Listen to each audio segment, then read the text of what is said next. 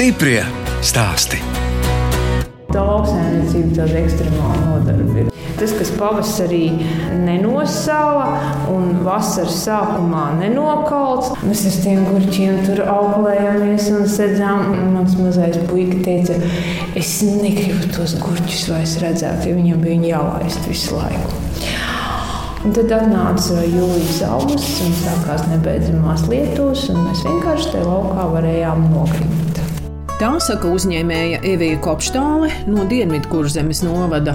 Es, žurnāliste Daina Zalamane, šoreiz tiekos ar zīmola Durbes Veltes izveidotāju, kas gatavo dārzeņu konservus un ievārījumus, raudzē vīnu un gatavo liķierus, un šogad vērtē kā sarežģītāko un grūtāko pēdējo 13 gadu laikā. Evija piedzimusi Pāvilostā, kas bija viņas tēva dzimtā puse. Tēvs vispār nu, cilvēks ar ļoti smagu raksturu bija. Viņš bija 22 gadu vecumā izsūtīts kopā ar saviem vecākiem uz Sibīriju, jo viņš bija liels saimniecības mantinieks. Atgriezās Latvijā ar moci no Omskas. Kur tu viņš jau moci dabūja? Sibīrijā ņēma un nopelnīja. Nu, ar fotografēšanu viņš tur bija nopelnījis to mācību. Mācīja elektrības, taisīt, visu kaut ko mācīja. Bet 27 gados no Omskas ar moci, bez viesnīcām, bez kempingiem, bez navigācijām. Un salīdzinot ar to, mēs tomēr esam tādi diezgan mīkšķaulīgi palikuši. Pāvils ir labākās atmiņas, jo maniem vecākiem tur bija daudz draugu. Bet pat cik bija kaut kāds brīdis, kad mums tur nebija kur dzīvot, un vecam tēvam durbē bija māja, un vecais tēvs bija palicis viens pats. Un tad mani pārcēla uz durbi. Un tā es te nonācu trīs gadu vecumā. Par tiem skolas gadiem runājot, Durbē bija vidusskola vai vidusskola? Tagad ir palikusi pamatskola, bet mums bija tāda liela vidusskola, jauna, smuka sporta zāle. Mēs visi bijām ļoti sportiski jauni.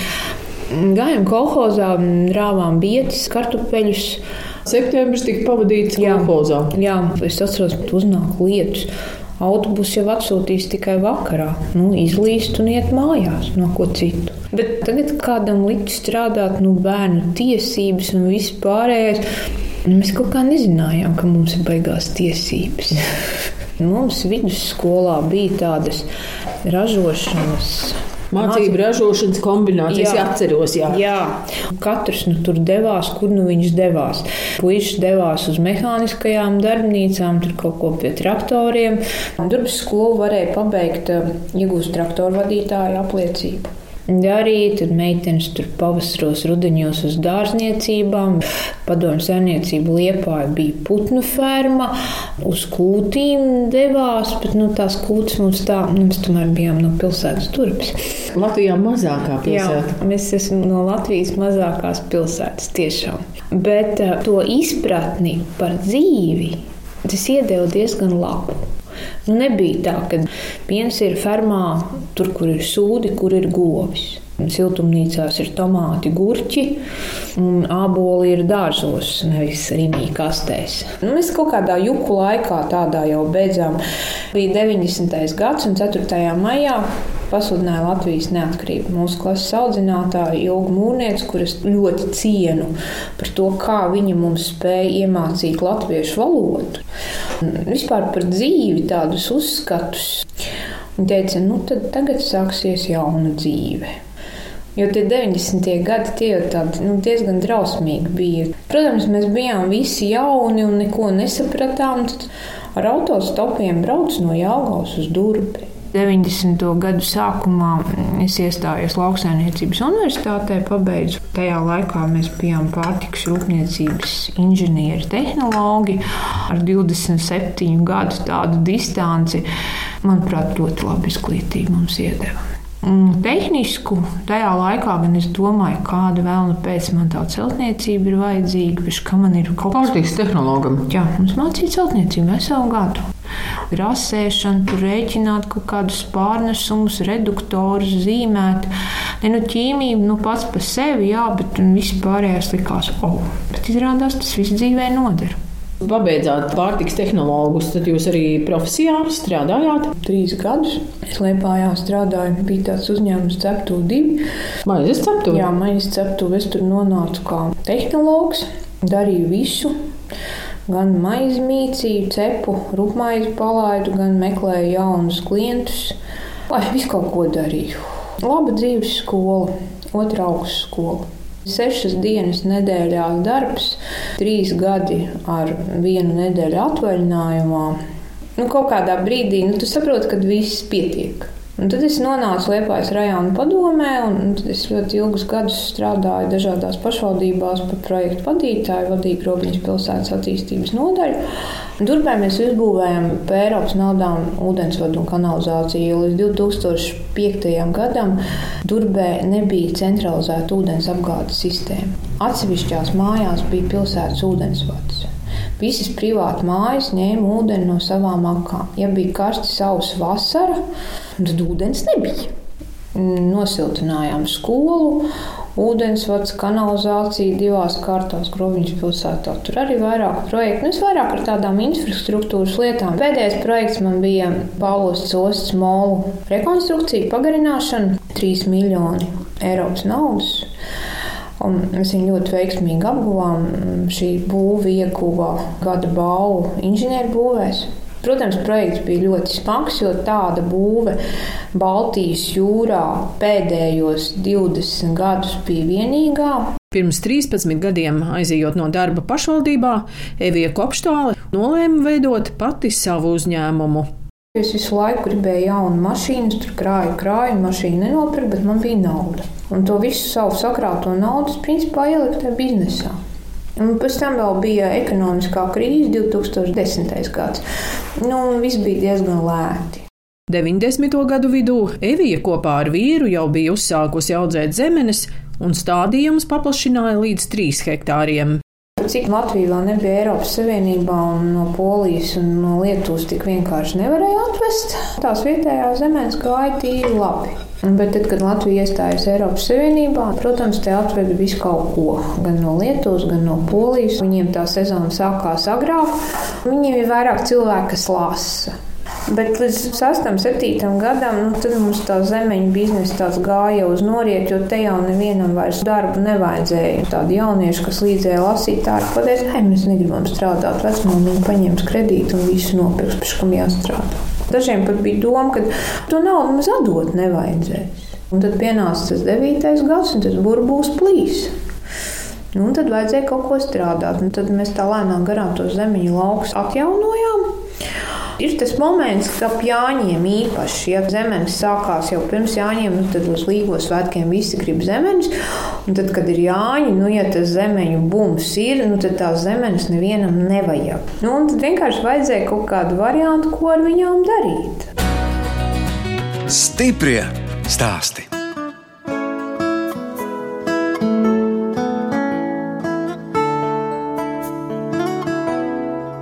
Redzējums stipri stāsti. Šoreiz ciemojos pie zīmola Durbes Veltes izveidotājas Evijas Kopštāles.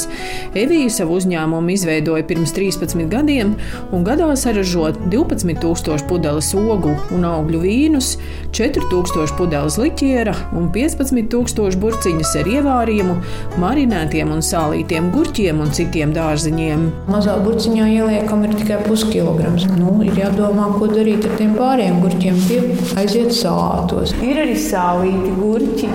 Man tēvs iemācīja sālīt gurķus. Jo viņš Sibīrijā kādreiz bija, un Sibīrijā tur, protams, neviens nepasterizēja un nemarinēja. Viņi sālīja. Nu, marinētos gurķos ir etiķis. Sālītos gurķos nav nekāda koncentrācija. Tikai sāls ir koncentrācija. Jā, jā, viņš ir drusciņi ir izveidojusies pienskāpā baktērija, ļoti nedaudz. Bet koncentrācija ir sāls, jo nu, tāda klasiska saļānka jau ir ar salītiem gurķiem. Klasisks rasals arī ir ar salītiem gurķiem, nevis ar marinētiem. Un kas tad tie gurķi, kur zemnieku gaumē?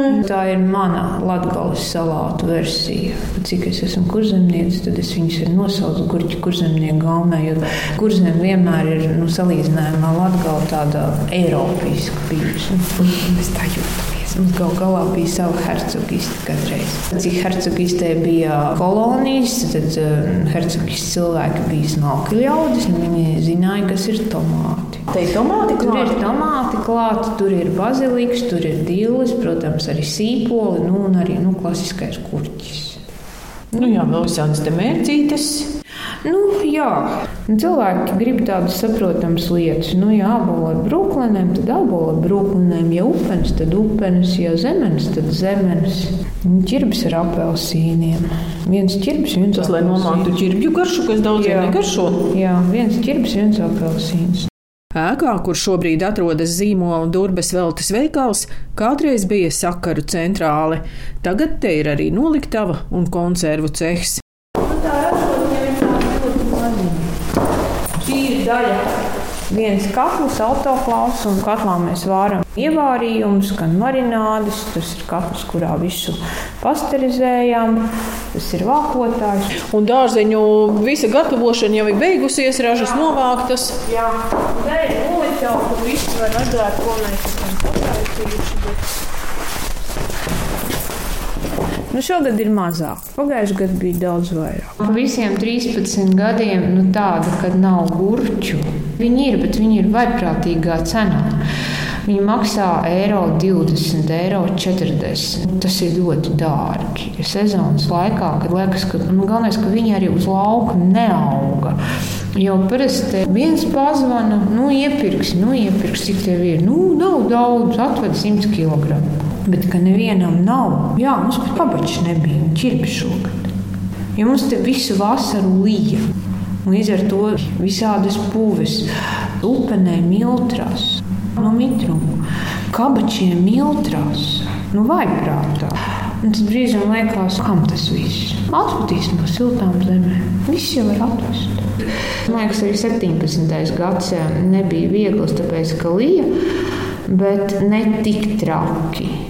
Bija arī, arī silts pirms tam, un bija labs. Nu, tas lietus, nu, kā jau gurķiem patīk lietus, bet nu, ka vienā laidā līst. Pavasaris ir jāsagaida. Mums jau ir tā specifika, ko mēs vasarā līdz septembra beigām sataisām. No tā mēs arī visu gadu pēc tam dzīvojam. Tas nav viegli. Tie trīs mēneši ir tādi nu, ļoti saspringti. Jums darbinieku arī ir daudz. Daudz nav. Tagad ziemā mēs esam trijotā strādājam. Ir viena meitene, kas neklātienē mācās, tā nāk palīgā. Un mēs principā esam divi cilvēki. Vienu dienu nedēļā mēs kaut ko vēl uztaisām, kaut kādu sīpolu ievārījumu vai kaut, ko, kaut kādus ķirbus pamarinējam.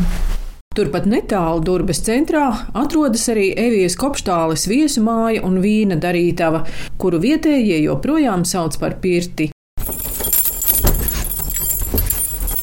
Šī bija pirts un ēka ir celta pirms otrā pasaules kara. Vietējie sauc par pirti, jo tā viņa visi pazīst. Māja desmit gadus gandrīz stāvēja tukša. Iepriekšējais saimnieks viņš man kādreiz piedāvāja viņu nopirkt, bet nu, tik daudz naudas mums nebija. Tad tā dzīve kaut kā lēnām garāk, druskuļi tā sāka iet uz augšu. Un tās telpas, kur mēs īrējām, palika pa šaurām. Nu, tā mēs pie šīs mājas tikām, jo tas cilvēks man piedāvāja vairākas reizes ar tādu teicienu, ar tevi šī māja dzīvos. Nu, viņa dzīvo. Viņa darītāja te ir 5 gadus. Es jums parādīšu, kā tas izskatās. Tā.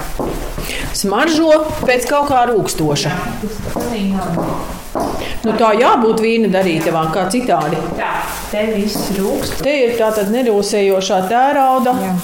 Tvertnes. Tvertnes. Raudzēšanas tvertnes. Nu, projekts es sev, sev es rakstu joprojām. Un jums ir arī saules enerģijas izmantošana no saules paneļa, konservācija ražošanas procesā. Jā. Tas nozīmē ražošanā. Jā, nu vasarā, cik mēs visu vāram, tad saule ir. Enerģija mums vajag daudz. Mums šovasar, jūlijā, augustā, šogad elektrība izmaksāja mēnesī 20 eiro. Un tas tā ļoti labi. Es Bet jūs arī visu izmantojat, ja jums nav Jā. tā, ka jums tur kaut kāda pārpalikuma. Nu, sestdienas, svētdienas droši vien, kad mēs neko nedarām, tad tas aiziet tīklā. To no mums nopērk, bet ne Latvijas energo. Mums ir ar citu tirgotāju līgums, jo no Latvijas energo attieksme vienkārši nošokē. Jo Martā viņi no manis saražoto nopirka par 3 centīmiem un man pārdeva par 25. Tad es teicu, klau, es saprotu, ka es esmu tāda skudra. Bet nu, es biju ļoti dusmīga.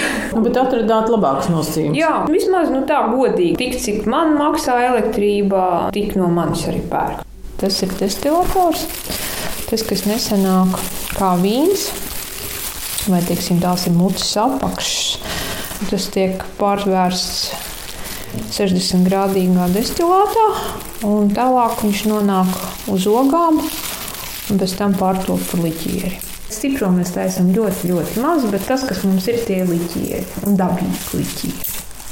Ne grāmatā kaut kādi garšas uzlabotāji, nekādi tur biezinātāji, nekas. Tikai cukurs, ogas vai augļi un mūsu destilāts. Evija stāsta, ka vīna audzēšana ir viņas ģimenes tradīcija, un viņa ir jau trešā dzimtas paudze, kas gatavo ogu un augļu vīnus. Vecāks taisīja no jāņogām, Cirēs viņam sanāca labi, cirēs viņam nesanāca labi. Tēvs taisīja no apelsīniem, jāņogām, aroniem. Un es ar to vīnu esmu izaugusi. Man tas liekas tāds pats par sevi saprotams, ka mājās ir vīns. Redz, es skatos, jūs novada garšās arī diezgan daudz esat piedalījusies. Jā, man ir ar bronzu un sudrabu. Jā, šogad ir sudrabs, pagājušajā gadā gurķiem bija bronza. Tās etiķetes ir tādas ļoti košas. Tā ir mana klases biedra dāvana. Viņš man to dizainu uzdāvināja. Nu, tās meitenes dzīvo. Tiksim, ir tāda interesanta pastāsts. Šīs trīs meitenes parasti uz Jāņiem dāvina Jānim. Tas ir Jāņa un vīns, jo tur ir rakstīts Jānis Mokas, man vīns. Tiksim, ģirši. Vieglāk ķirsīt, viņas skavās nirsi. Jau galvā tie parasti tos pērk. Man patīk arī par aronijām. Gribi harmoniju, apēd aroniju. Evija Kopštāla vērtē, ka mazais uzņēmējs ir cilvēks orķestris. Mazais uzņēmējs ir uzņēmuma vadītājs, īpašnieks, viņš ir sētnieks, apkopējs, krāvējs. Viņš pa pusē ir grāmatvedis pāris dienas atpakaļ. Nu, labi, es tur kaut ko slimojot, biju salaidusi dēlī atskaitēs. Man atnāk Vēstules trīs lapām, es, protams, lasu un nesaprotu. Es teicu, cilvēku sievietei pazinu, viņa ļoti patīkami, jauka. Viņa man izstāsta, kas man bija jāsalabo. Man prasīja sešas minūtes. Bet tās trīs lapas viņa bija droši vien pusdienu rakstījusi. Un tad es tā domāju, kaut kāda loģika šajā visā ir pazudusi. Mēs esam apkraujušies ar papīriem, mēs nespējam viens ar otru normāli sarunāties. Mēs sūtām kaut kādas vaiprātīgas vēstules tā lietā, lai pazvanītu vai uzrakstītu e-pastā. Jau klau, nu, tu tur vienu atskaiti, ja nolabo tas uz tas. Es lasu un man liekas, ka es esmu nu, stulba lauku sieviete. Tas nekas, ka man ir divas augstākās izglītības. Kāda tad ir otra? Man ir maģistra grāts ekonomikā. Tas deva arī tādu labu izpratni par procesiem. Arī tādā uzņēmuma vadības līmenī, nu, kas ir jādara, lai kaut kas būtu savādāk. Bet nu, ir lietas, kuras tu nevari ietekmēt. Vienkārši inflācija, nu, es kā mazs uzņēmējs, nu, es tur neko nevaru izdarīt. Tu tikai pasties, akal tas dārgāks, akal tas dārgāks. To cenu mēs jau nevaram pacelt. Nu, ja burka gurķu veikalā maksās 5 eiro, nu, tas cilvēks taču nesapratīs. Bet, ja to visu saliek tā kopā, nu, tā ir objektīva cena. Tas pats nu, Latvijas energo nu, sadalījums tīkli. Pagājušajā gadā sadalījums tarifs 4 centi. Šogad vai nu 14 vai 17, es tagad nepateikšu. Tas nav par dažiem procentiem vairāk. Tāpat tās degvielai, nu tad tur vasaras sākumā bija šī nokrita. Ah, nu tad tā kā labāk. Akā tagad viss ir augšā. Nu, bet tu bez tās degvielas jau nekur nevari. Polijā Degviela, ja mums te bija kaut kāda eiro 80, tur man liekas, pie eiro 42. Pārtikai nav PVN. Man teiksim, cukurs ir interesējoša lieta. Latvijā cukurs visur ir pamatā eiro 25, Lietuvānis kāpēc ir 95. Kāpēc viņš tur ir par 30 centiem lētāks? Nu, ja tev ir jāizdzīvo, tad tev tur jāskatās, tu brauc uz liepāju, vai tomēr uz skodu aizbraukt. Tur lētāk. Bet, kad kāds paslavē jūsu produkciju, protams, tas tā patīkami, jo tad jau vispār nebūtu jēgas neko darīt. Un tad jau taisa ciet un mieras mājās, un tur nav plākstīties. Jā. Bet ar to paslavēšanu jau uz benzīna tanku aizbraukt un bākā degvielu ieliet nevar. Man ir bijusi iespēja arī jaunībā mācīties ārzemēs. Es visas tās iespējas esmu izmantojis. Esmu Wageningas Universitātē, Holandē mācījis, esmu bijusi esmu Tenesijas Universitātē, Amerikā. Tas, ko es tur redzēju, man lika par daudzām lietām aizdomāties. 2000. gadā mēs vēl dzīvojām nu, kaut kur starp Eiropu un vēl viņa zina, kurieni. Tad pienāca iestāšanās Eiropā, pagriezās visi šie Eiropas fondi un šīs Eiropas prasības. Nu, tad mēs te esam Eiropā, bet pārregulēti, birokrātiski. Bet uh, lauksaimniekiem man liekas, ka Eiropa ir atnesusi ļoti daudz naudas, daudz projektu. Jā, bet cik arī nav savas saimniecības likvidējuši. Nu, viņi ir sapratuši, ka viņi nevar konkurēt. Bieži vien man rodas jautājums, braucot pa Lietuvu Un kāpēc tur viņi ir tām sešām, septiņām govīm dzīvo? Un te izrādās nevar. Tāpat tās Polijā. Polijā jau nav tās lielās saimniecības. Nē, protams, ir daudziem daudz kas labāk, bet ir arī daudz, kas rada papildus izmaksas. Šī birokrātija tā ir tā, kas rada papildus izmaksas.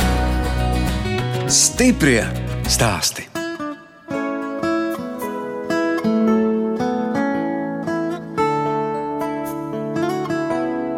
Jūs klausāties rādījuma stipri stāstī. Turpinot ciemoties pie uzņēmējas Evijas Kopštāles kurzemē, Latvijas mazākajā pilsētā Durbē. Evija stāsta par dēliem Edvārdu un Valteru un vīru Varišu Treheru, kurš savā zemnieku saimniecībā astoņos hektāros audzē ogas un augļus. Mēs audzējām sākot ar zemenēm. Šos bija ļoti laba aveņu raža. Mēs nolasījām pārpār tonu aveņus. Mums ir ielikt divas tonnas aveņu vīns. Ļoti laba upeņa raža bija. Eh, ir divas tonnas upeņas. Arī jāņogrāža bija. Tā gan bija pirmā raža tiem krūmiņiem, bet bija ļoti laba. Kāda 7 litri ir jāņoga vīns. Tad mums ir cidonijas. Cidonijas mums rūks divas tonnas. Aronijas mums arī kaut kāda pustona rūks. Rabarberi mums ir Rabarberi mums tonna. Tagad gaidām nākamo gadu ērkšķūgus. Atliek cerēt, ka pēc diviem, trīs gadiem atkal dzīve varbūt sāks drusciņi iet uz augšu, un plāns ir nopirkt kaut vai lietotu ogu kombāju. No mūsu bērniem Izskatās, ka diez vai kādam ļoti lauksaimniecība interesēta. Nu, neizskatās. Nu, Edvards, lielais puisis, mācās Liepājas valsts tehnikumā, viņš mācās mehatroniku. Viņa sapnis ir militārā karjera. Mazais Valters, tas ir atkal sportists, tas spēlē galdu tenisu. Viņš ir ar ķērienu svešvalodām, angļu valodā viņam ir desmit. Nu, ja es viņa klātbūtnē angliski nerunāju, nu, tas varētu būt tāds pasaules pilsonis. Evija, nu, ko jums patīk brīvajā laikā darīt? Es spēlēju volejbolu. Tā ir mana stihija. Bet, nu, tagad... Šeit durbē? Jā. Cik bieži treniņi? Durbē mums ir otrdienās. Un tad mēs vai nu ceturtdienas vai piekdienas braucam uz Dunālu kari spēlēt. Šad un tad, kad balīti uztaisam, braukājam pa spēlēm. Volejbols tā man ir tāda stihija. Kā man vīrs saka, tev vajag kādam iesist. Kaut vai bumbai, ja? Jā. Pēc muguras traumas tagad neesmu atsākusi trenēties, bet vasarā mēs spēlējam beigšu. Mums ir divi beigšu laukumi. Pludmales volejbola. Jā, jā. Nu, tad, tad cilvēki diezgan daudz sabrauc vasarās. Nu, ir interesanti. Man ir suns, man ir taksītis, kurš ir ļoti labā fiziskā formā, jo viņš daudz staigā kopā ar mani.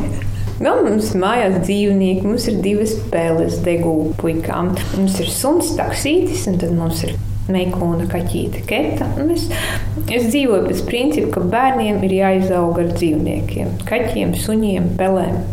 Nu, lai viņi saprotu, ka tas četrkājainais ir. Nu, viņš arī ir tāds cilvēciņš savā būtībā.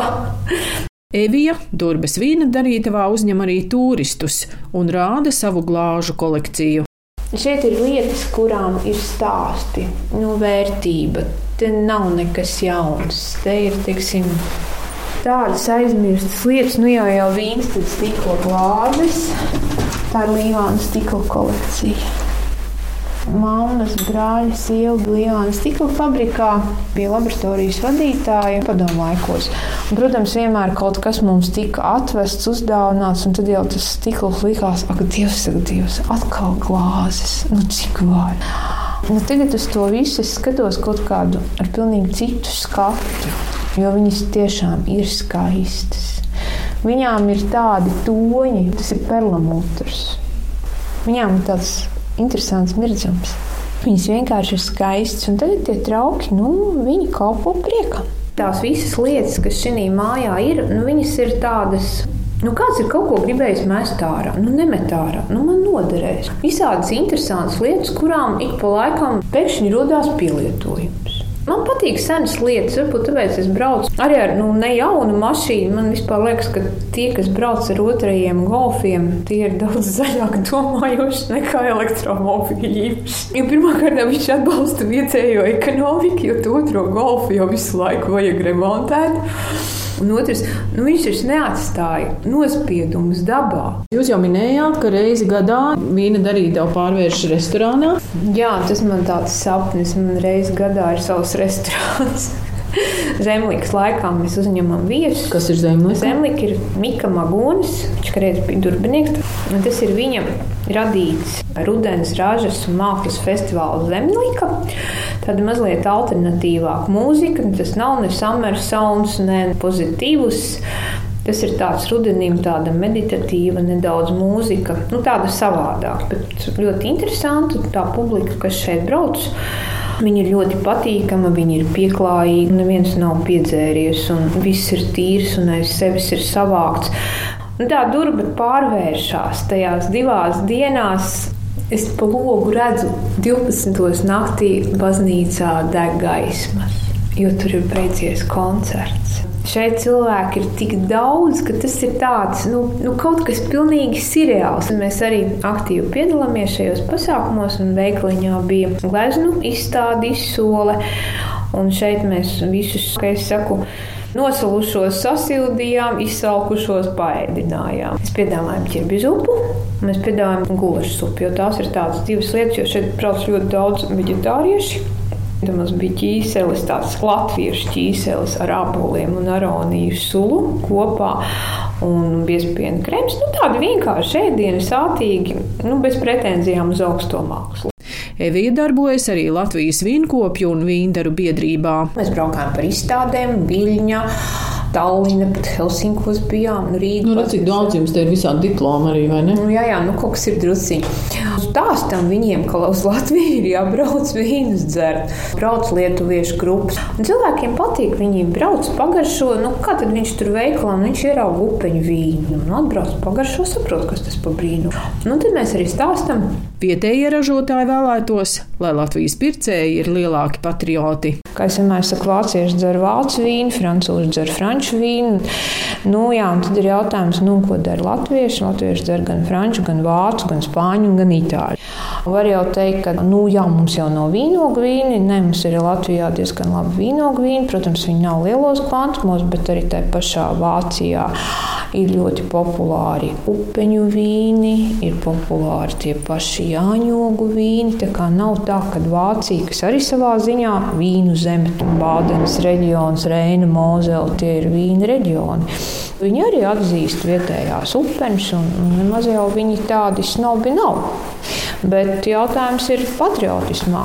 Kam mēs savu naudu atstājam? Vai mēs viņu atstājam mājās, vai mēs viņu atdodam itāļiem, frančiem, spāņiem.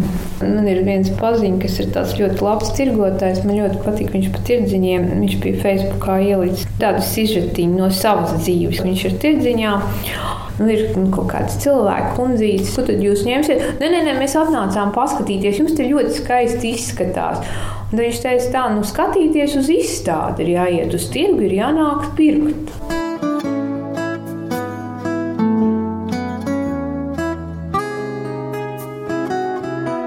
Radījums stipri stāst izskan, un mēs atvadāmies no Evijas kopštāles, kas Dienvidu kurzemes novada durbē konservē dārzeņus un raudzē vīnus ar zīmolu durbes veltes. No jums atvedās žurnāliste Dāna Zalamane un operātore Inga Bēdele, lai tiktos atkal tieši pēc nedēļas.